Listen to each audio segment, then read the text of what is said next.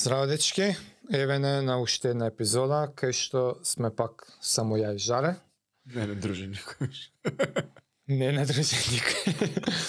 Ајде, не, бе, наредните ќе не дружиме. сепак и ние имаме толку бесконечно Да. содржина Да у, себе и желба за зборење.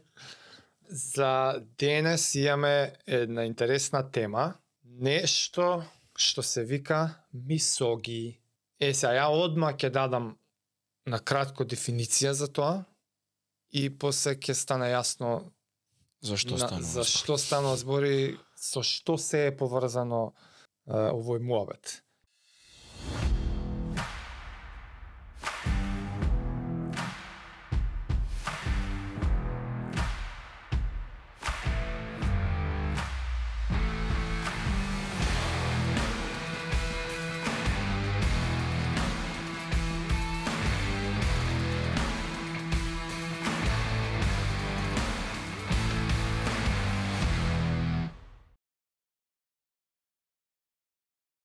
Мисоги е јапонски збор, значи јапонски три- ритуал, еден вид на аджилак, кон ледено-ладен водопад, во кој што јапонциве буквално застанувале под водопадот да се прочистаат. Од таму потекнува зборот мисоги, значи тоа. Западњачката интерпретација на концептов мисоги е направи нешто толку тешко еднаш во годината што ќе ти влијае длабоко на останатите 364 дена од годината. И ете ја врската со нашиот мовет и нашите често кажувани муабети на тема прави тешки прави работи. тешки работи. Ја немав чуено за за терминов мисоги, а и ти немаше чуено, Како почнав да читам, се почнав да се возбудувам. Почнав Ама- да планирам. ама ти стана и, и јасно као да бе ове као мислам мене така ми беше еден милион концепти и, и искуства и ставови под еден нов назив, под едно ново име. Знаеш, само уште една потврда е, види бе, Добро, имаше како некои правила. Е, се, е, да. Е, па, Не ги памтиш кои се? Ги памтам. Ајде. Да не е маратон. Јас па се возбудив, викам, оу, топ ќе трча маратон, јодам. Да не е маратон, да не е кросфит тип на надпреварување. Викам, ајде, викам, против мене, некој ме заебава. Да, да не инволвира кај што плаќаш некакво си тип на Да. котизација, да се 50-50 у најдобар случај за шансите да успех. ќе успееш и да не е нешто што ќе ти изложи на смрт, нели? Тоа. Да. Значи да, идејава Да за е мисоги, сега да. идејава за мисоги, западната интерпретација за правење нешто еднаш во годината што е толку многу тешко, правилата се тие, значи треба да одбереш некој предизвик кој што ти самиот сметаш. Нели endurance based вика дека или нема врш. Јас така сватив дека. Не мора. Мислам, Или примеров дечки Не, што го направиле. Да, тоа са, да, има еден куп книги, примери луѓе што си правеле нешто, ама идејата е ти самиот сметаш дека 50-50 се шансите за успех, ама нема да загинеш у никој случај. Значи прво правило е тоа, второ правило е да не загинеш, и трето правило Прво е, е да не загинеш. прво е да не загинеш.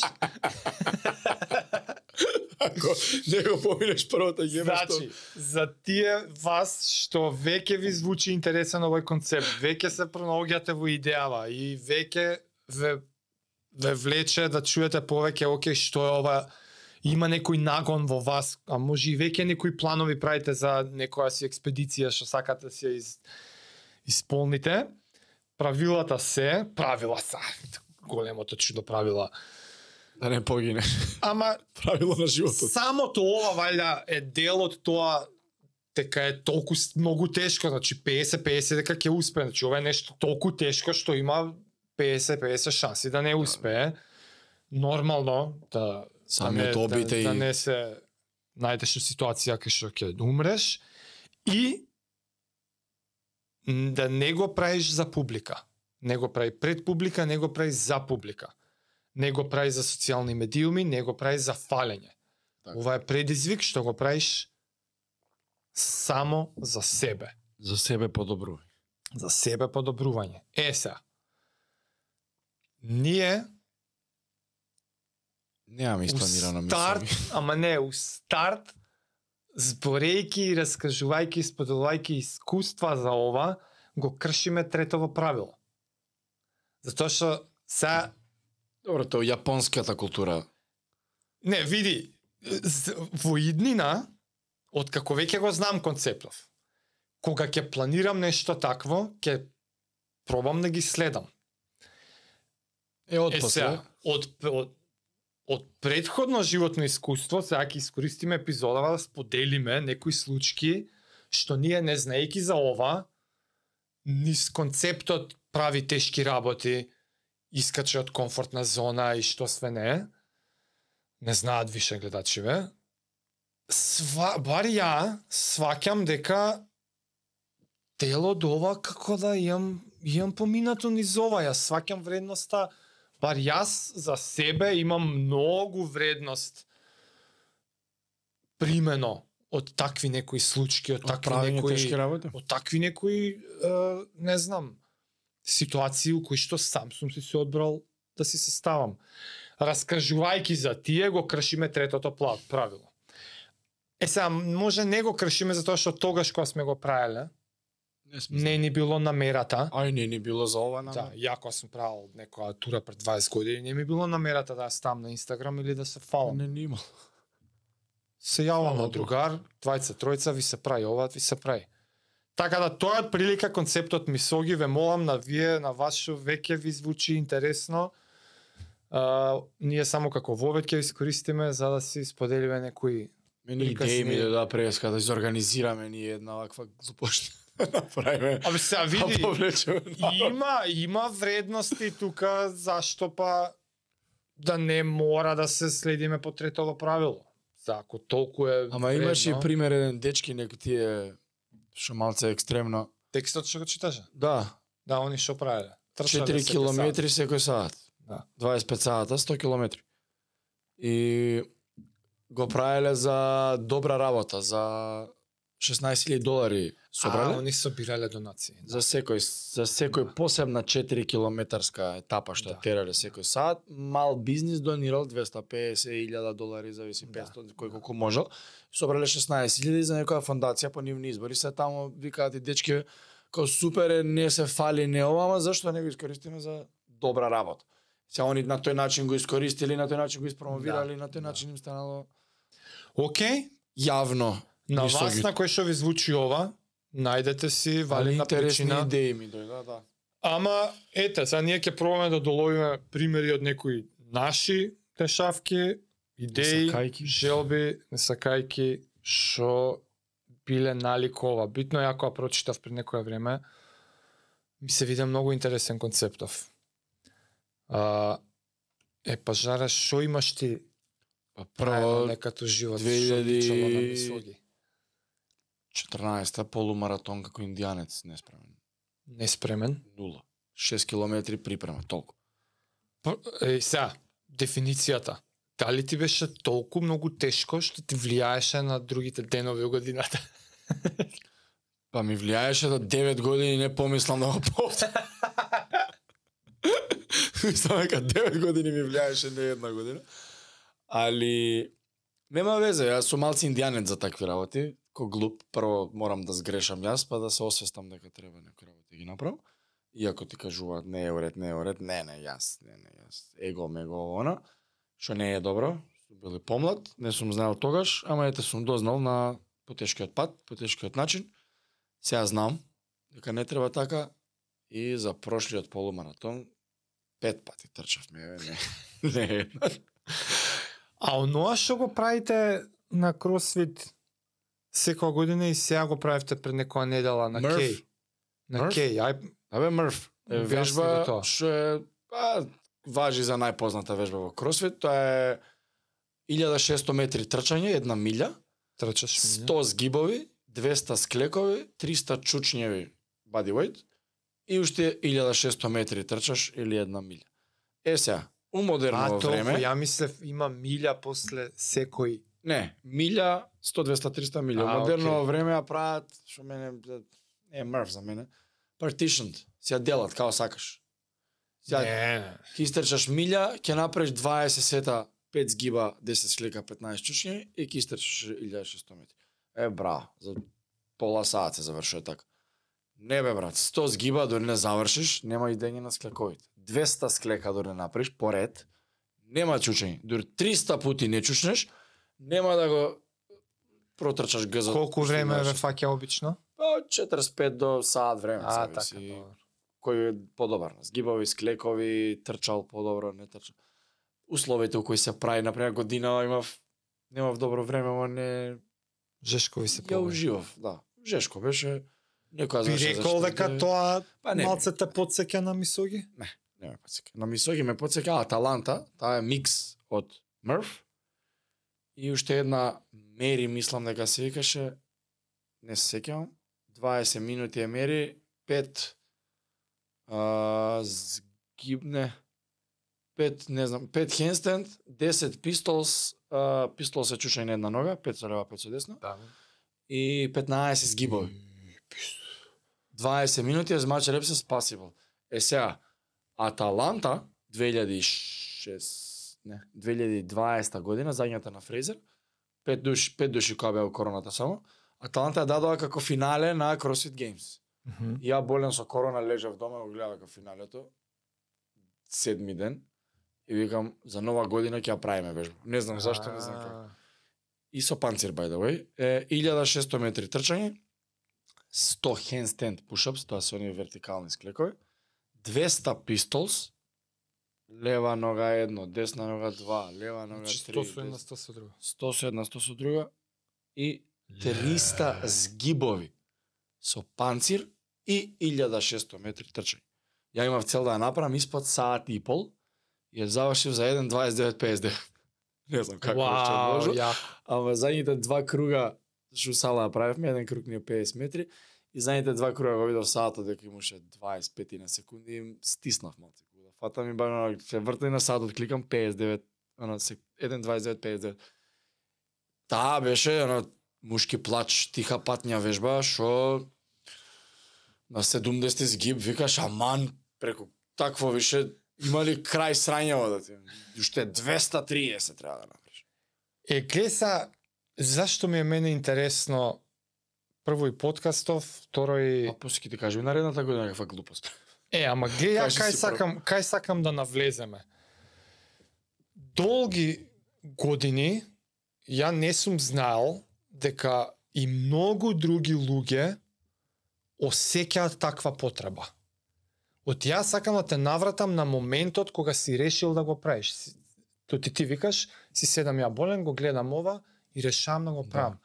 За Има- нова година ни помалку. Има не, са, може би не е баш по дефинициите на мисоги, ама са не дека се водиме ние стрикно. тоа само као концепт го искористивме за за епизодава која што бар ја сакам поише да фокусирам на тој нагон, да пробам да го доразмислам, доанализирам од каде доаѓа и зошто, дека постои кај тебе, постои кај многу луѓе.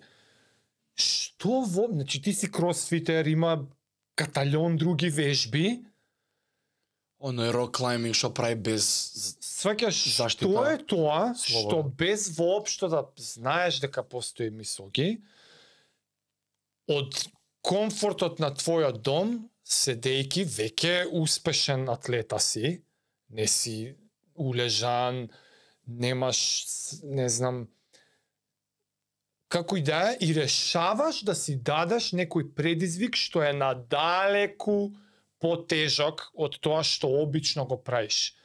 Тој нагон, дали некад си размиштал од што од веројатно моментот сум болен и тоа е некој крај на октомври. Нова година е за два месеца. Дали ќе можам, не знам зашо, зашо кога видов преака ми се виде вежбата.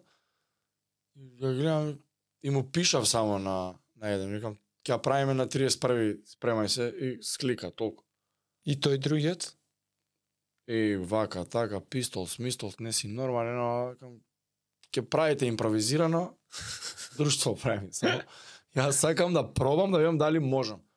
Не знам зашто, вероvatно Чекај, да про... Како чувството- да на некој докажуваш на такво никој- чувство како Да, на не, а на никој не му докажувам ништо. на Себе. Него на сам себе, дали ќе можам.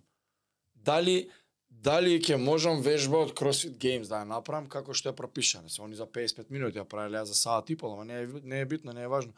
Одвратна е вежбата. И е high class world level, онака, дали ќе можам. У моментот кога реши да ја компетитивен, ни правиш, ништо едноставно и луѓе околу тебе има што таа патња ја проаѓаме заедно што сме као екипа за правење ретардирани вежби. Разбираш, се се знаеме кој сме одма и само жуп на тој му се обраќам, нема не ни размишлам. И после не знам, тоа многу органски ти расте племето за овие за трчачки работи, а и за тоа ќе збориме после. Си имам go to guys кај што можам само да чак пријавуваме. Ти еба. Е, гледаш, мате, значи ајде, ти бе. знаеш луѓе на кои што такво нешто многу атрактивно им звучи. Да, и прво ми не годуваат и после ме добро, ајде, ајде, кога, каде, што треба сега? да правам? Ајде бе тоа, ајде Ма ќе некој се што не ти не годува. има Гледаш? има една будала тој Вања о, што ни го направи логот. А, е, поздрав до Вања. Е, хардкоре тој е. Турецка чита мост километри. бе. Усамлекувална преска Савајло. За контекст на причава, за кон, контекст на причава, вторник сме денеска. Ќе сватите зашо го кажувам. Му викам, абе, слушај, после ќе снимаме за тоа мисо, ги слушај концепт, абе, му читам. Знаеш што го будали што направиле во Америка, бе? Шо бе, он си со облака рано. Шо бе? 4 километри секој саат трчале 25 сати. Тоа е стотка, а? Викам да. Ме гледај кјути, викам пробале ли нешто такво? У недела? Не претерувам. Порека мат. Помине- Вања е хардкор. Помине вика маратонов да преспиеме на идејава, би сакал, Да. не викам не, али као што го читав тестимонијалот, Е. викам на луѓево, знаеш, викам има на 10 саат 40 километри, па оно за Гогинсон, Па тоа е 4 пута слично. 4, 4, 4, 70, 48. Како 48 беше. Everybody have partner и ми се врти. И Гогин знаеш што направи што? He didn't have a partner, motherfucker. На Гогинс беше 4 Сам ги правил. майлс. 4 miles на 4 На саат. секој 4 сати, и 48 сати. И било партнерски за некоја фондација. Само што он немал партнер. Ама гледаш, еве, Ама Вања, има будали. да. Вања, човек што му кажуваш и одма почна му врти зупчаникот у глава. Јас сум таков. Ја Да. имам, ја имам другари што се такви. Ја сериозно сега ми влезе чивета да го пробаме ова со 25 сат. Значи, и ме- и мене доживотно ќе ме копа да знам и најверојатно нема да откриам, ама нешто во, во корот на битието на некои луѓе е едноставно да прави такви... Знаеш зашо? Што не може други да го направат. Колку луѓе направиле Аталанта? Колку луѓе направиле 100 км за 25 сат? Станува модерно ради години смоги си компанија. Ама не, кој, не. кој ќе се осмели да помисли дека Дај Мене, да знаеш пробам. што ми се врти у глава план така? почнав да правам несвесно, разбираш? Мене у глава, 100 што ми се врти кога размишлам за тие, ми е како доказ дека секој може. Да. И за дечкиве имаше, тој батето што вика, ја имав 40 км истрчав највише, еден со мене што имаше 20 највише, другиот нема над 10. Истрча 100 за 25. И мене, јако размислувам кога си задавам такви предизвици, една од првите ствари не, што ми текнува е ќе искористам личниот пример да докажам дека секој може. Е сега, у мојот случај тоа е тешко да го остварам, затоа што секој друг ќе ме види мене и ќе каже да бе, 40 години си атлета, секој друг може. Ја на тоа имам да кажам, абе да, ама ја ова што го правам нема врска со физичкиот тренинг што јас сум го поминал. И нема врска. Нема нема заеднички, не, не можеш да се спремаш за такво нешто. И еве пример, мојот пример. Ја кога прочитав за кога дознав за мисоги као концепт. Прво мене што ми дојде како најприближно нешто што и онака сум го направил у животот. не знаеки за ова, е пред 20 години. Јас сум атлетичар, ама секое лето, од прилика ова време, негде јуни, јули, завршуваат трките, што клубски, што репрезентативно, и едва и чекав да си правам тури со бајк. И имав еден XC cross country бајк а, за тие што не разбираат. Тоа Е, е јас не точак само само преден амортизер. А има и задни пост. Па оние што се downhill точаци, full suspension што се викаат, тие имаат огромен амортизер напред, назад, како трактори се. А, добро, Ја, и- крос мотор што е Да, да е, не се не знам, алуминиумски, карбонски ваков, не, овој беше купено од онакво од агротехна нешто, онакво глупости. Од Емилијано. Значи, збориме за ефтин, ефтин точак. Ама Марки. си го возев за низ град секојдневно и едва и чекав да завршат редовни атлетски тренинзи за да си правам тури. Што значи ја не сум велосипедист Ничим тогаш. изазваним сам Ја не сум велосипедист тогаш. Тренинзите ми се саат до два атлетика. Доаѓа периодов у кој што јас се јавувам на двајца такви будали. Поздрав до Боро и Гордан. go to guys. Go, go to guys у тоа време. Дечки, ја имам идеја за тура. Ја крстуваме, ја крстиме турата трите врва. Предлогот е точаците у воз до Гевгелија, од Гевгелија да го качиме Кожув, односно врвот на Кожув Зеленбрег, од таму да се спуштиме доле, не знаеме како, да поминеме низ планините, нешто, нешто конопиште конопиште, нешто Мариово, тралала, да доеме да го качиме кај Макчалан.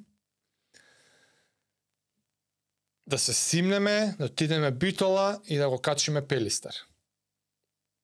И да се вратиме у Битола и да се фатиме воз за Скопје. Тоа е турата. Тоа е идејата за турата. И моиве go-to guys готово. Ни они се бајкери, ни они се истренирани, нити правиме турички, сакаш Нешто правиме подобар точак сме отишле до Струмица, сме отишле до езеро, сме отишле на Водно, се возикаме у реду. Ама неаме товарано на нас да преспиваме по планини Па и на храни, непланирано, сваќаш? логистика да се вклучи. Ја ден денес на нив кој, кој им се обраќам ја на Боро и Гордан. Ја им викам, абе, луѓе, тоа. Ај ја будала, ама зашто рековте да? А отидовте? О, ти пази што... Да. Зашто рековте да? Ние знаеме дека ова ќе фати неколку ноки. Ке нек, мо- некаде ќе мора да се преспива. Неаме резервирано планинарски домови, неаме шатор со нас, неаме вреки со нас за спиење. Мислиме дека ќе се снајдеме некаде у шумата ја носам само едно шаторско крило од шушкавец материјал, за демек ќе опотпреме вака на гранки и така ќе си Како индијанци. ќе си пренокиме како индијанци, за сабајлето па да си продолжиме. И ние со таа намера идеме да правиме трите врва. И фино лепо, ранец на грб, шунка паштета, месни нарезак, Тоа е кило тоа. леп у ранец, две-три мајци за пресоблакање, ранец на грб, точаци од 200 евра, на воз, 3 саца бајле, Скопје железничка. Се товараме, стигаме 6 и нешто Гевгелија, перфектен ден, се гледа Кожув, се гледа Зелен Блек и тргаме. Стигаме, се качуваме до горе. Преубаво, пола ден отиден. И доаѓа моментот и сега спиење. Земам 4-5 шаторско сати што да правиме. Ајде, оди, да се движиме ние прилика некоја географска насока натака. Зоти тоа е, е граничен предел и сега ти си дошол до котата буквално горе. Ти си на, на граница си, ја гледаш Грција од другата страна. Океј, сега назад на македонска страна и одиме по сретот на планината. Ајде да скратиме тука низ шумава, влагање ние губење 6 сата, нема патека, нема ништо, коприви грмушки, сечи, точаците на на рамо, не се вози, кај ќе излеземе, почиња се стемнува, ама искачаме од шумата стемнувањето ради облаци, црни облаци. Готово, јасно е дека ќе има потоп. Потоп, не време ќе биде кај да е. И ние сега се врткаме вака на, на, на шум, над шумскиот појас сме, вака планински, буквално сме ги гледаме пасиштата, врвови или шума позади нас. И сега црни облаци од ваму идат, што да правиме, ништо да се вратиме у шумава да бараме негде нашиот план, За индијанскиот план. Не, чекај, ја уште маци, е, у далечина гледаме овчар. Трак на кај него, не се вози. Чуо се треви до тука, пасишна нема, точаците се на рамо. Трчаме ние овчарот, го наоѓаме, го, го прашуваме шо како вој не гледа ко вонземјани. А вика има бачило, натака. Натаки. Натаки има бачило. Почиња да грми, почиња се стемнува, Добриот збор на овчарот го зимате. трчаме, он, он пред нас, он патот да ни го покаже. А он иде. Он пред нас, ние по него. Полутрк. И таман се стемнува, таман почиња да грми, со, со, она, со молњи, со све, и ете го бачилото, една колипка, ама тврда градба, и искачаат неколку овчари веќе тука, тука го собира, собираат нешто, млеко прават, јогурти, сирења, нешто се прави, знаеш, четири зида, тоа е просторија колку студиово од прилика. Секаш таму седнати у еден ќош неколку овчари, нема кревети, нема ништо и фрлени е, вреки за спиење, ама од јна, у ќош онака фрлени. И овие не гледаат и таман почнува да истура надвор. И вие у задња влагате. Ние влагаме тогаш. Ајде, дечки, оке, од кај, и шо како причи, тука Шо овие е ни даваат, тука јогурти, кисели млека, сирења, ние бутаја. Во Буквално- јаки онака. Абе не знаеш. Права рука. Раскажуваме добро и си мислиме манги, зверови, тоа е тоа. Планот иде. Се е по план. Свирки, ништо не иде по план. Утоп ние све испотени тука, нешто, у вреките на, на циментот доле. Да, да. Стануваме са бајле, идемо дале. Ајде симни го сега цел кожув, се симнуваме на кај конопиште. Тоа е веќе скоро доле и сега назад пак се качуваме на кај Маријово. И тука имаш некои села, не знам како беа, не ми текнува. Качувајки по еден тежок селски пат, нормално, на Боро, точакот задното тркало Пеп. скроз. Искача скроз главината, осовини, лагери, скроз вака. Си се расеја точакот на пат. Тоа не ли ви текна како опција дека може да се деси? Многу, Зашто би многу ствари не ни текнале. ова е, човек, ова е негде, не знам, 19-20 години сум, така нешто. И И скроз распаднат точаков на Бора, толку е турата, втор врв нема, трет врв нема, што правиме сега? Кај да е пак ќе се стемнува и ние пак гледаме некои штали останати сено, кај да преспиваме, точаков не се склапа, тоа е, врати го само колку да стои. Боро на гидани. Тоа е. И Боро тука го прави, он нешто бара кај ќе се спие, буквално по сено. Напуштени штали, сваќаш бараме кај ќе спиеме. И еден пат тука стар.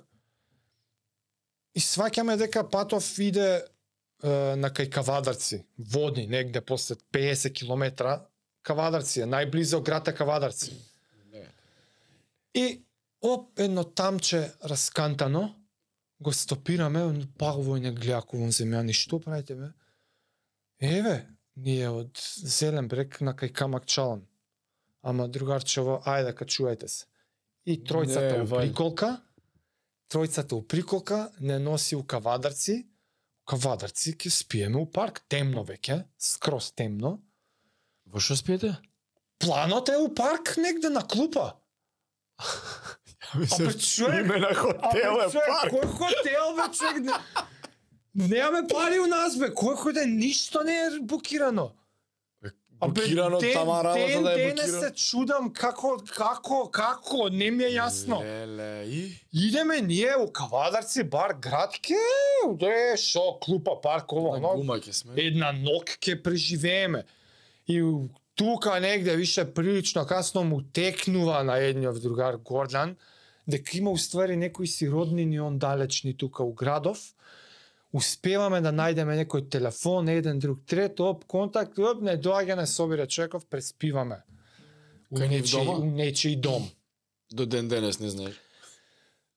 Да, не знам да појма, роднини на Гордан и планот е ништо утре дента од Кавадарци колку толку го ставаме само тркалово на Боро да може да врти, го врзуваме со јаже и го влечеме возејки од Кавадарци до Неготино, за Боро да се качи на воз у Неготино, ти таму е возат у И Неготино. он си оди, вие продолжуват. Он у воз, а ја и Гордан назад Е, Неготино, Боро тапа, да. Скопје. и битно толку е од трите Јаре го врва. му сменја гумата на Боро. Никогаш не се реализира нити повтори таа А тура. не, ти довте ли? Не толку, си се вративме у Скопје. А сите комплет. Комплету А Скопје. ја мисле вие двајца сте продолжиле па вториот врв. Не, не, не, не, толку назад. Па, турата пропадна. би. Битно, од концептот Мисоги, 50-50 дека нема да успее, не успеа. Ова си PSP за преживување бил. Ова не успеа. Ова не успеа. Не постоеа социјални мрежи, освен наше друштво никој не знае и ден денес Еве, не, не, ја не знам зошто сум тргнал да го правам. А ден денес ми седи желбата да го направам. Се и мене ми до... Сваќаш, ја, ја секое лето го подсетувам Боро. Боро трите врва. Боро трите врва. Абе гумата. Ама добро се спремни е друг. Боро само ми кажа да се спремам, да се спремам, да се спремам. Значи не е не и нема шанси. Не, тука е, мора да се направи. Ете уште еден пример за на предизвикот типот на мисоги. Па ние, ствари маратонов, зашто сега ќе го трчаме? А, ја ние, како кажам, како мислиш, ти знаеш та со кој се спремаме ние стално, ама не, никад не сум сам ја овие глупости. Стално Ти ќе кажеш ние, јас си предпоставувам вашата кросфит. Не, кросфит добро клан. вежбаат луѓе кај нас, ама да, еден од кланот му доаѓа така. А, има една будала тој Кристи, никад не ме одбива за овие работи, ама оне тој стално што ќе ми промрчи на почеток. А Вања е другата будала, што е, ајде, кога? И пред ми соги јас преска го прочитав додека се истегав после тренингот, си го земав телефонот, има едно гадно истегање за кукови на дзичо го правам и ако не ми се одвлече внимание, нема крај. Аха. И е два пати по 3 минути, 6 минути, боли онака интензивно. И го сочував за тоа да го читам. Знаев дека те, викам таман свежа ќе ми дојде. Гледаш ги запамтив правила. и справам истегањето, джанк и читам за ова. И ја пред денешниот тренинг Вања ми викам, абе Кристи истрчал, викам, ја болем бе, грчки, мрчки, имам педер од 19 ка фати, викам, маме, ме. Вика, каде? Викам, па на водно. Водно? Викам, таа што трчавме на 9-10. Средно пантелемон и назад. И, викам, па два пати јакна. аха. Идеме, лето века да организираме Охрид.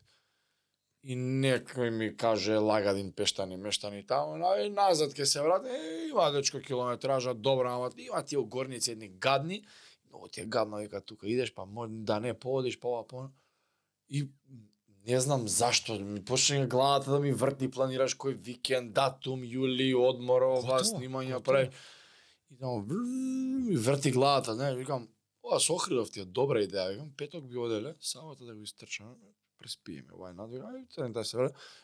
План се крои, А разбираш? што километража? Појма Што не кажеш? Ама може, тешко. може 30, може 15 км ќе ти изгледам, не знам, да ми кажеш, двете ќе ти кажам толку. Вајда околу 25 Ама до за 30. тебе е ненаправена работа. За мене, а на 20 не ја ми стрчан. Да. Полумаратон. А маратонот го трча, устари се договоривме со Кристи кој ќе му биде 40 роден ден, сега ќе му биде А. година за 42 километри. Устари правичниот беше 42 роден ден 42 километри, ја го заебав малце викам. Педере, нели на 42? Ајде викам се 40 јубилеј, не знаем, Да, викам, тај викам, 40, ајде помлаци викам, 40. е на 42 заебанци. Да. И она е исто таква будала што полумаратонов со едно трчање го истрча. Само затоа што ми ветил. Лани беше со фамилиарно шетаат Австрија, Маđарска овона, имаат пријатели, и го пријави, ја тоа викам, дали си нормален, ја да трчам, да не видам тоа полумаратони, ова, она, и он ден там ми праќа, еве ти баце, ја пролив ме фати, о, ама истрча вика да знаеш. Здравие, лошо, стомачен вирус, ама истрча вика мушки да знаеш, до крај ми пушта резултат. Не беше некој добар, ама не е важно со оглед на условите. Врнела плюс, сјебало мајка да се полошо трнал. Ама знаеш пак останал доследен на зборот, издржал до крај на, четвр... на четврти километар пролив викаме мама, не, че не знам како тоа е катастроф. М, Ја не знам зашто е у тие момент. Ај викам Скопскиот 20 кецот јас со тебе заедно. Нели не трчаш би? Па ќе протрчаме. Мора. Мора. И сега фативме така терки, он стално не кара. Не се спремаме, не се спремаме, за Кютек сме, ова, она. Дај да ве седнам со маратонци да направиме, а?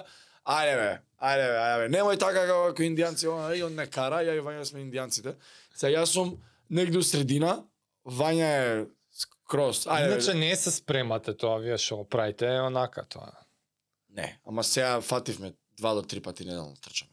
А, По е, програма добро. за маратон. Три, три неделно ако правите, Не, не, не. окей. Два правиме, ќе пробаме три неделно. Кристи прави зашто не доаѓа на кросфит за да се спреми квалитетно, А, зашто некој окей. врвови со точак сака да вози. Гледаш, А, гледаш, и па да, е, жет човече, глад. а пак не знам, така не. И за баш за ова викам да само што завршивме 20 кецот уствари.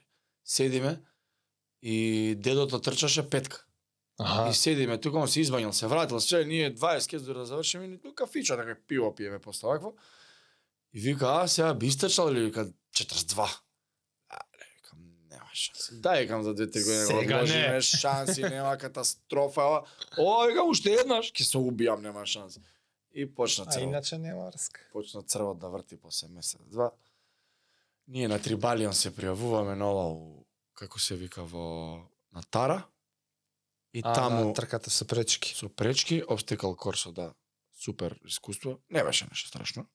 Али пак влагаш од 9 степени река, треба задњуриш од нигде никаде, па изга трчаш по кало и по ова. Не беше страшно. 20 кецот, да, може би, али 12-ката, уживање, ме, баре мене беше уживање, сосема коректно. Со истиот овој Кристијан бевме будала. И за маратонот таму седиме вечерта треба да легнеме, спиеме, станеме, идеме да трчаме тркав. И на Инстаграм гледам последни два дена за пријава на Скопскиот маратон, 42 километри за 1500 денари. А, викам, ќе ти матери, кликам линкот. Так, так, па, чак, па, вашата регистрација. Дангере. Успешна 99 стартен број. Скриншот и му праќам. Педер, нели на 42 Ајде бе, бидна, викам више. Нека тргне возот. Кога ќе биде тоа? 1 октомври. Октомври, да го преместија. и си се пријави и он. Вања е малце со пријавите за Кютек, ќе го пријавиме ние, зашто ваму се пријави, па каснеше со плаќање, па од работа и, и не отиде на крај. Сега ќе му запнеме да го пријавиме. И многу ме радува што собираме екипа, да правиме група за трчање. И У, веќе сме Тоа ќе ве извлече многу. пет идиота што ќе Да. трчаме 42 километра. За прв пат у животот маратон никој нема трча. Планот ви е баш така групно да идете? Јас сам не би сакал.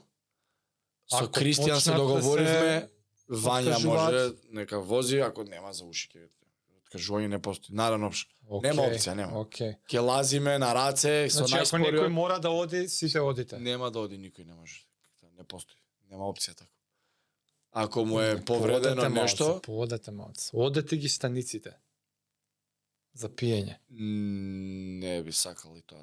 да не Е знам зашто. нормално. Значи, сериозни времења се трчаат со одење на станици. Не знам како да не сум го истрчал ми е педерски кога да Чек, мора, кога- ќе пиеш ли вода? Нормално. Као ќе Јас со тебе треба седнам еден сад да ми објасниш Као ќе пиеш. утрчање некој. Аха. Иди, утре пробај да видиш. Тие чашките вака ќе ги дадат. Нема. Шишето им го зијам ја, чашката. Абе, осте тоа посебен тренинг е. Од, одете ги станиците. Само на станиците? Одете ги И станиците. дали на Скопски маратон се доволно за да не носам јас нешто екстра. Да. Добро. Ако ги одиш станиците. Секоја да се испоштуваш, да, Да. позастанеш вода, лимун, Сад, шекерче. Дали е доволно зависи од тебе, од секој човек. Добро, нема сега пейс што, да... Али тие гелови бананче има стално, урми некој по джепови Да. може, а ние има Ама тоа шекерчи. тестирај пред пред Да, да. Трка. Да, бе, се цело лето ќе го прават. И еве сега сме пријавени, веќе сме имаме група маратонци, 4 или 5 души сме пријавени. Нише пред октомври ќе правиме епизода кај што ти сега. објаснувам како total beginner Е, што да правиш на Скопски. Хао ту. А после ќе ти донесам се по еден од баграта да, да го раскажува искуството. Сите на тоа. Него Колективно тук. се вратиме на Мисоги. Е, уште едно мисоги што не сме знаеле е 1000 барпис. Али, Ја. а, да, исто после Аталанта, нареден 31 беше, а Да. Мико Сало че, има изјавено те фати? 2 сати и 5 минути, полумаратон. Е така. Знаеш колку е многу 1000 барпис? Многу. Ама два сата е. Така. Да. Не по 10, Ама е многу. ама е. по по пет. 10 правевме. значи наредно Мисоги, јако би правил као кросфитер, е 5000 burpees. Не би сакал. За да ти фати цел ден. За да дојде момент И да имаш да се да сакаш да се откажеш. Има 12 сата, every hour on the hour, hero workout. Ете По ти. 40 минути. Да ти дојде да, да, да мислиш дека мораш да се откажеш. Ама у моментот да сватиш чекај, нема да умрам. моментов маратонот ме плаши така. Ми е страв, нема шанса да, да, да дозволам да, Да, не го завршам, ќе умрам ако треба. Добро, супер. Е тоа ми се ама има страв. Ама стравот постои кога, кога и да супер. трчам одредена дистанца од 17, 20 и такви некои километри на 20. Е, ама ти, да, на 1000 burpees ти доаѓа тоа. ми доаѓа. На 388 више. Не, да вака се сега како бројка, ако замислиш 1000 burpees, ти доаѓа истиот страв како со маратон. Па не, зашто сум го направил? 5000 burpees? Да. 2000 ми доаѓа. Сваќаш? Тоа е моментот. Непознатото е тоа. Е, така, Не сум го направил. психичкиот момент на, Е, да. на незнаење е дел од од таа потреба, кај што сакав ја да го вратам моабетот, е, значи, не е наивна работа. Јас Не, не, не, не, стварно не, не. многу, не, усмисла и на мојот интерес. Не, целиот концепт не е наивен, зашто е толку физички захтевно, али многу подценет момент е психички колку е захтевен. психички. Ствари, тука лежи целата заебанца. Сакам да кажам, не е наивен и мојот интерес во ова. Значи, ја имам сериозни години потрошено на размислување и одговарање на прашањето зошто. Зошто воопшто постои таков нагон кај луѓето? И низ безброј мои примери, не на реализирани предизвици, туку на нешто да чујам, да одма почне да ме тера да размислувам на тоа. Тоа е нагон, тоа не е ни, ни мој избор, знаеш, ја го осеќам како како вон мене да е како некој повик од од некаде што ме тера вака. Ја не седам вака да си кажам, е, ај сега да си направам план да ми текне некој мисоги или некој предизвик. Не, едноставно се случува нешто и ко ти што каже и почнува да врти вака Мгм. зупчаникот. И мене Планот многу ме интересираат тие психи зошто и и стварно книги имам купувано за тоа. За да најдам зошто. Најразни книги и неам најдено одговор, ама имам најдено неколку објаснувања и примери од многу стари времиња на е, како, како на дел од културата и традициите на народите. Ама збориме народи и племиња. И сега Не цивилизации.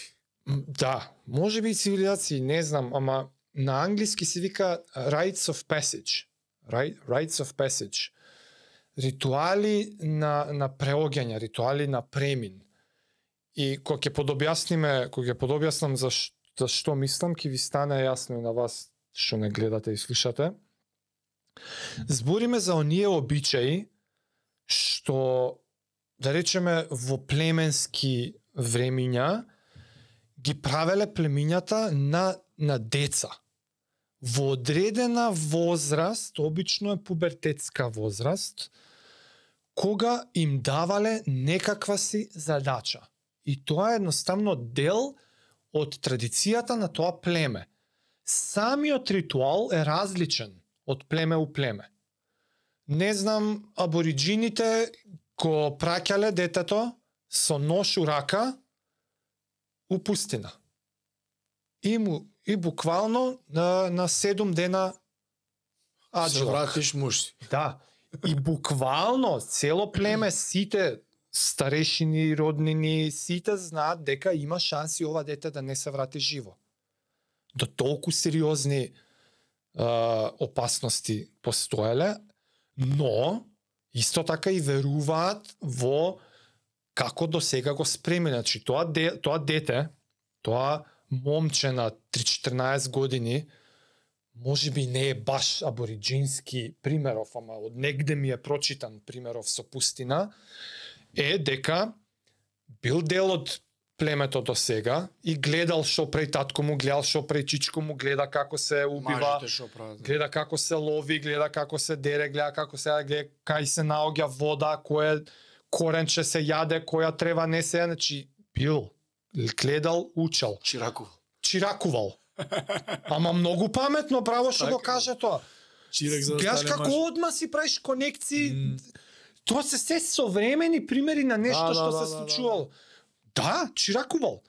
Арно, ама тоа момче ќе треба да биде и мажот кој што ќе треба да ги пренесе сега тие знања на наредниот.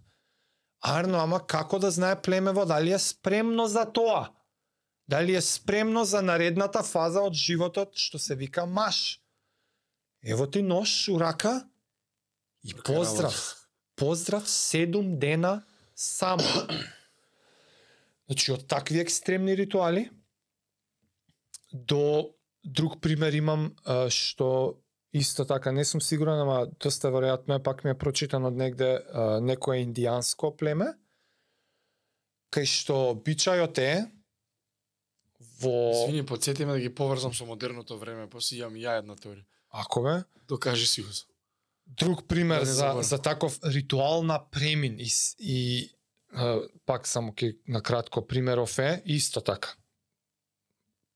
У таа слична возраст врзување очите, водење на детето низ џунглата и седнување на едно место.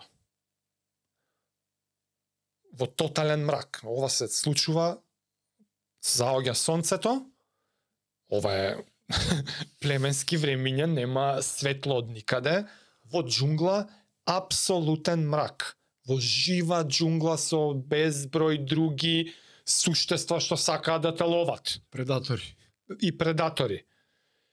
Го седнуваат, пристемнување, човекот, возрастниот старешината, што го има донесено, си оди, се повлекува, и ритуалот е, со затворени очи, будно да остане цела вечер без да мрдне од таа точка, слушајќи ја џунглата цела вечер и да не избега, да не се исплаши, дури не се раздени Да не одврзе и очи. да дојдат да го соберат. Да, и да не одврзе во, од, да не ја тргне маската или што и да им ставале. Со мал пресврт во ова племе се разденува, го вади ова лентата, Blindfolded, како се. а, пре... Превез очи. превезот, го вади, позади него цела ноќ седел татко му. Ствари, немало ништо да му дозволи остави. Значи, ритуалот на, на страдањето го преживува и во моментот на завршување на тој ритуал, на толку силно доживување ти такви стравови да пребродиш цела ноќ сам, се вртиш и сваќаш дека татко ти седал до тебе и тоа е едно такво зближување у тој момент, така што некако како двоен удар ритуалов го има. И читајки, читајки низ многу такви литератури, ја почнувам да сваќам дека овој нагон што ја од некоја си слична возраст почнува да се гаи и во мене, е нешто што природно се случува. Луѓе знаеле за тоа многу, многу, многу одамна.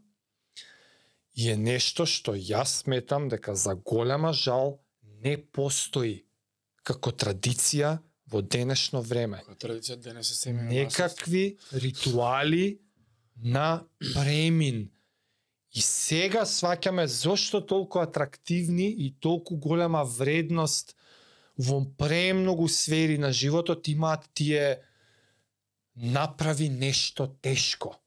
Од таму да ти потекнувал тој нагон и може би стварно, правејки такви тешки работи, е начинот на кој што ние го оставаме детството позади нас и ги превземаме новите обврски како мажи. Како одговорност имаш. Новите одговорности, имаш фамилија, имаш дете деца, имаш нови одговорности во себе, постои детето во тебе се уште, ама знаеш дека си преминал низ одредени тешки работи, користејќи вештини што ќе ги правиш понатака у животот како маш.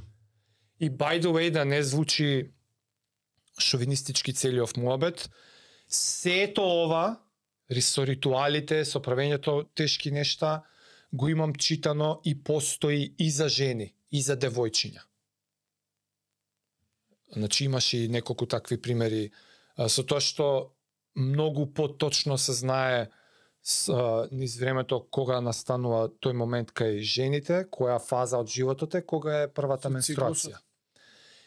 Нема племе, нема култура во старо античко време на, на човечкава цивилизација што нема таков ритуал, што е многу интересно. Ритуалите се различни. Ама сите имаат Ама ритуал постоја, да. не комуницираат они меѓу себе. Од племе у австралиски пустини Да, абориджини до племиња у некои си џунгли у Амазон Или спартанци во во Грција. скоро исти период од историјата кој што се знаело дека нема никаква конекција измеѓу овие две племиња, како бе така у скоро исто време дошле до тоа сознание дека вакво нешто вреди да се прави и треба да е дел од една култура и традиција на еден народ, племе, е, колектив, каков и да е. И па мислам дека со време на пракса беше војската. Бра, да, леле да. Тоа е задње што ми текнуе што постоел. Тоа сакаш да те подсетам? Или Не. нешто друго имаш? Не, не, не, да, паралела за денес. Ние више немаме војска од држава, као мора да служиш војска таму дедо негови ги те грабне с мочковци едни војска немате да служено, таа муж се стануеше, знаеш, оние ние причи. Абе ќе станеш, ќе си го наместиш креветот, ќе ако имала една лента, ти го ваделе цел со се душе, ајде мочко од почеток и те казно не знам што ќе шкомпир или што и да е, немам појам. У ЈНА, па, у Македонија служеле војска, па од 9 на 3 месеци ја смалија и после со факултет лажа ова, и нема накрај тоа мислам дека е некое што останало. Дали ти е криво што немаш Многу ми е служен? криво. Би се пријавил сега доброволно. Значи, имаше период кога бев помлад, кога мислев Ама моје време немаше Демек ништо. така пацифистички, да бе, да, војска, тоа се треба да бегаме ние тоа, ама како идат годините на страна да. војни, Како мал си викав, и ќут, ја нема служам, да, ама сега би се тоа, ама служењето, процесот, Процесот, да, не е дека ние ќе е одиме се нешто пукаме. да. што јас сметам дека фали, стварно фали. Фали што таму те учат. Е сега, зашто, а, што сака во стари преска да поврзам со она правење тешки работи, она Тоа што ми детево- речат те Да, детево што не знаел дали ќе преживее или не, седум дена и се враќа. И сега, глед денес голем дел од успешни луѓе, еве и спортисти нека се, таму си ја знаеме таа тематика. Сега Новак Џокович задни. Е најдобар според бројки веќе не е теорија или мислење на некој во историјата на еден спорт што врска нема со неговиот град или држава или подрачје Мгм. кај што живее Балкан. Значи, Тениска е насмисловно име. Аха, така мисли, добро. Сега овој човек доаѓа од тешко детство, од војна, доаѓа од Балкан, од Србија 90-ти, кај не е најпријатно за живење. Кај што се те има НАТО бомбардување. Србија е у константни војни со Хрватски, со Босни, Сребреници, чуда има вон. Политичка криза 10 години. Целото детство е тоа, не 87 роден, до 13 години. Доаѓаме до бомбардување 98 кај што он тука има колку му доаѓа тоа 11 и после тоа заминува за Германија кај што стана. И сега дали да ги нема овие работи, да нема таа патња, да нема оние моменти на лихвар, татко му се задужувал со вадење парите на маса, причите, еве ова имаме за млеко и леп немале. Дали да го нема тоа он ќе гурал после он 5-6 пати имал кризи низ кариерата, не е дека сега он од 2011 кога тргна 42 победи поред дека се све победува он. Он имаше 7 финали на Гренслем поред, што не освои ни еден Гренслем. Дали ерата на Джокович заврши, а имал 5-6 до тогаш. Па се тешиш, па добро бе 6, не е лошо, разбираш се. Добро бе 16, 17 имале, разбираш. Па Бекер доаѓа, па го оправа, па иде понатаму. Него Моабетот ми е дали има еден има еден тенисер Ернест Гулбис, не знам дали го знаеш, кој прати тенис го знае, што е единствениот милиардер не од спортот. Та татко е милиардер. Стварно? Има приватен авион. Аха. За колку е Ернест Гулбис, а добар, добар играч. Заебан, го има и Тепано Джокович порано и Аха. бил топ дали ќе ги 20, бил топ тие- 15. Дали Ернест Гулбис со милиардите родени од дете, дали имало нешто тешко што он требало да го направи во животот? Дали животот го натерал да е така? Колку ние да не ќеме нешто, ние Моамет ќе каже, кјути детето да немој како ја што живеав, да ме како што живеев. Ај сега ќе му правам. да. Дали му правиш контрауслуга, дали инвалиди Да, ствараме? Да. Дали ова меко општество денес е резултат на сите тие работи? Прво, од што нема војска. Нашите родители може би биле последните генерации до 45-6 годишни луѓе, па и па дали више 50 годишни луѓе денес не знам дали служеле војска пора. Не сум сигурен. А, јас бев на регрутација. Да? За една година порано јас ќе Да, ќе промошен. мораше да одам. Аха. Значи, јас кога запишував која факултет, година е тоа? Пред 20. Јас запишував факултет 2002. Така. И У, тогаш после војната. 2002 запишување на факултет беше аха не те викаме у војска. Толку е, нема. Ја ја го ја ја имам ја ја имам книжката воена. Ама мислам дека и со ако Јас сум идеш на факултет те ослободуваат од војска имаше некој. Да, да, да, требаше после факултет да одиш. А после Не те не те А не те ослободува. ослободува. Четврта средно мене ме викаат на регрутација, ти прават психомоторички тестови и те одредуваат каде ќе служиш кога ќе завршиш средно. Завршуваш средно, запишувајќи се на факултет, исто така пополнуваш еден документ и на војската за да им даеш до знаење, не, не ме барајте за служење, затоа што запишувам факултет. Значи ова се уште се случуваше 2002 ја кога бев. Ја требаше да одам во а, ракетна единица некаде, ја бев регрутиран, ја имам воена книжка. Така. Сваќаш, ја да не се запишав на факултет тоа лето 2002 требаше да одам да служам војска. Така. Како се запишувам на факултет, мислам дека наредната година се доведе, се доведе законот, не треба да се случи. Е, и сега вие работи на книга на наша позната на мести го твојот креветот, пак од некој полковник, од генерал. Да. Тебе некој 2023 да ми кажеш правила за успех намести си го креветот. Не заебавај да те. Основна работа стануваш да спиеш местиш креветот. Или треба ти е чисто. Зашто сега да се учиме ние за овие работи пак? Зашо ако ти е домот не среден ти не или ај среди си го домот за да можеш за за ај тоа има метафоричко значење, ама у стилу да ти биде чисто сега дома намести си го креветот и сега вау луѓе сега да треба Раздувачки е дури. Или е да малце мислиш- чудно и глупаво тоа? Мене ми е трагедија на... Или тоа така треба да биде? Е, Дали така, да. од тие работи сме избегале ние и, и за тоа има сега бе ти најмуваш човек да живее со тебе да те буди уште са бајле Ти ме заебаваш ли мене бе? Затоа што сме го избегнале, мислиш да тоа ни фали и сакаме да го едноставно не ти дошол редот како што треба да биде, како што Да. требало да биде. Да. И сме го утнале и сега не дека ние ради тоа, ама тоа е оној passage to man, becoming a man. Ти текно е да, Да, станеш да, маж, да, да, дете у да. маше војската 18 години имаш ти. Да. Полнолетен си, учиш да држиш пушка, пиштол, да местиш кревет, да се шишаш, да се бричиш секоја сабајле. Хиерархија, Да, почитувај ги по старите. Ти денес тоа не постои. тим, Да, тим, гини за другиот. гини за другиот, да го другиот даде животот за, тебе. другиот да го даде за тебе. Дали си спремен? Тие работи ги нема, а тие се тие што ги воспоставуваат вредностите. Да.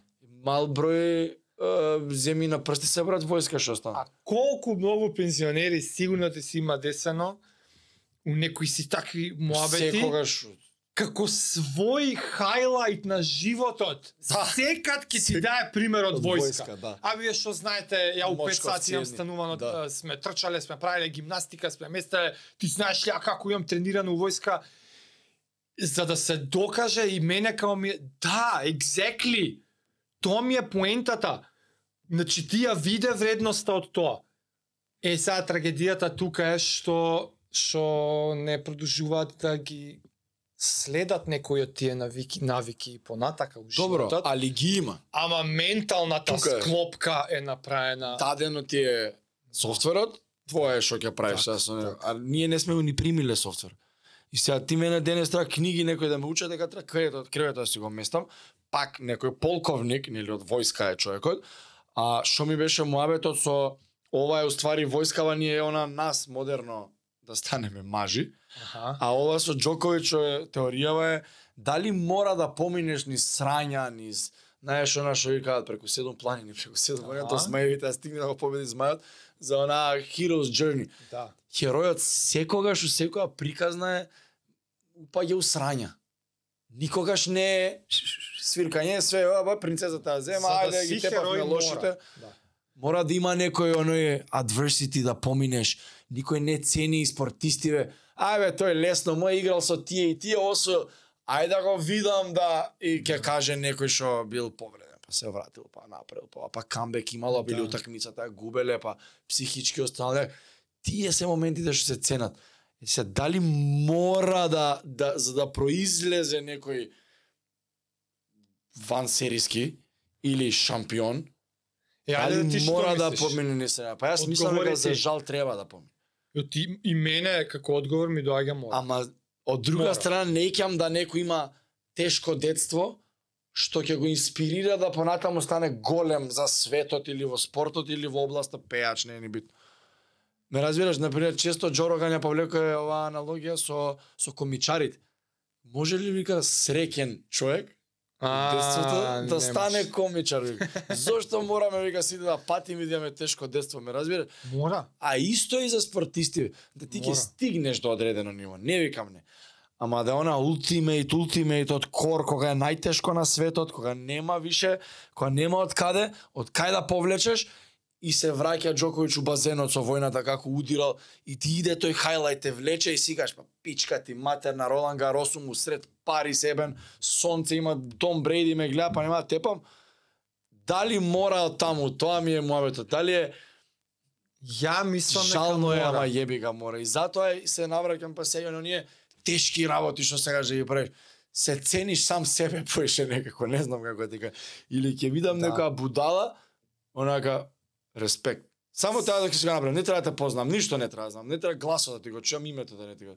Самиот факт дека ти си отишол и девојка на што истрча 300 километри што беше кај тебе. А, да.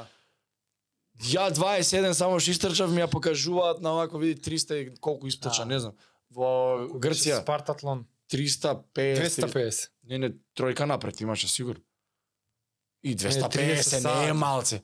250 30 сати. Арно Така малце нешто истрчал, беше, да, да. 250 добро 30 Да. сати. Ја ја 27 се жали с девојчева 12 пати поише од Да, да, истрчал. да. Што е, викам, ала лалија лавчина викам, знаеш.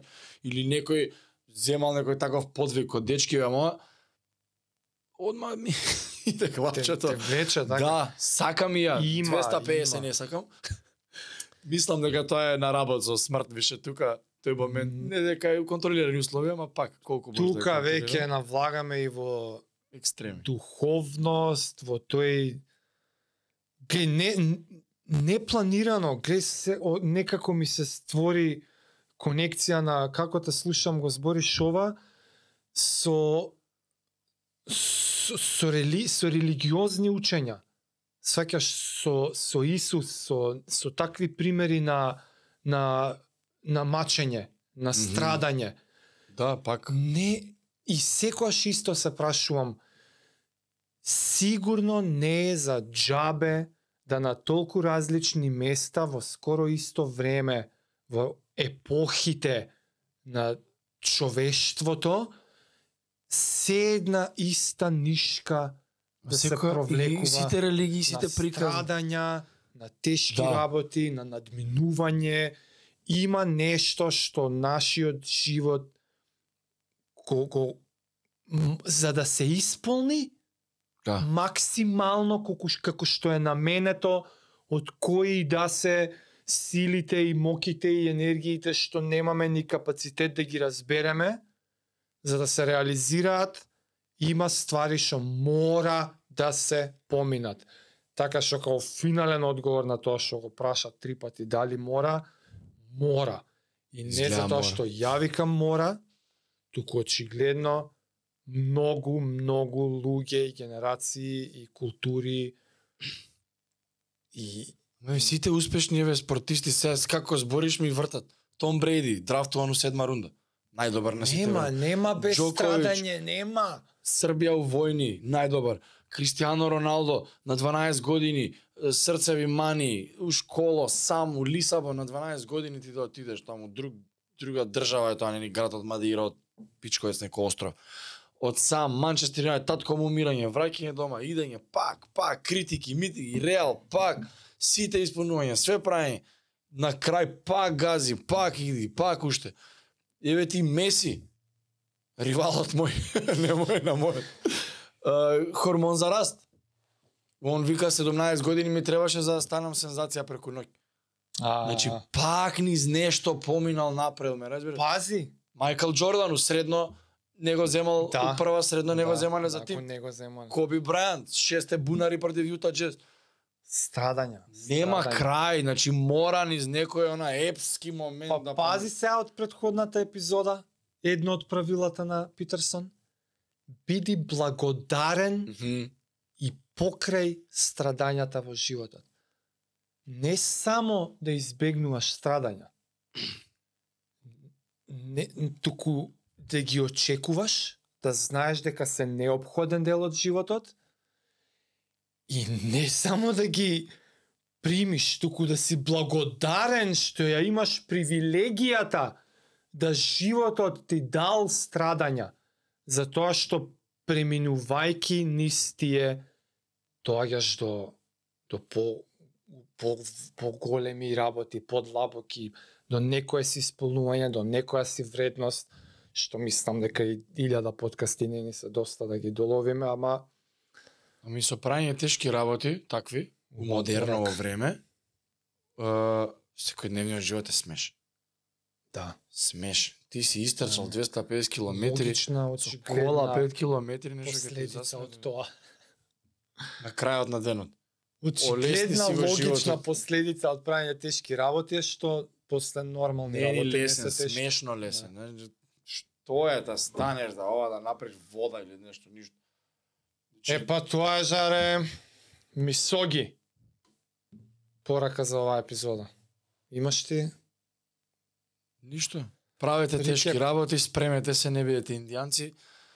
У тешки работи нека биде и вежбање, нека биде барем да отпочнеш процес на вежбање. Значи секој има своји тешки работи. Мои се ендюран, зашто не сум бил добар од тие и сакам да ме газат на тоа.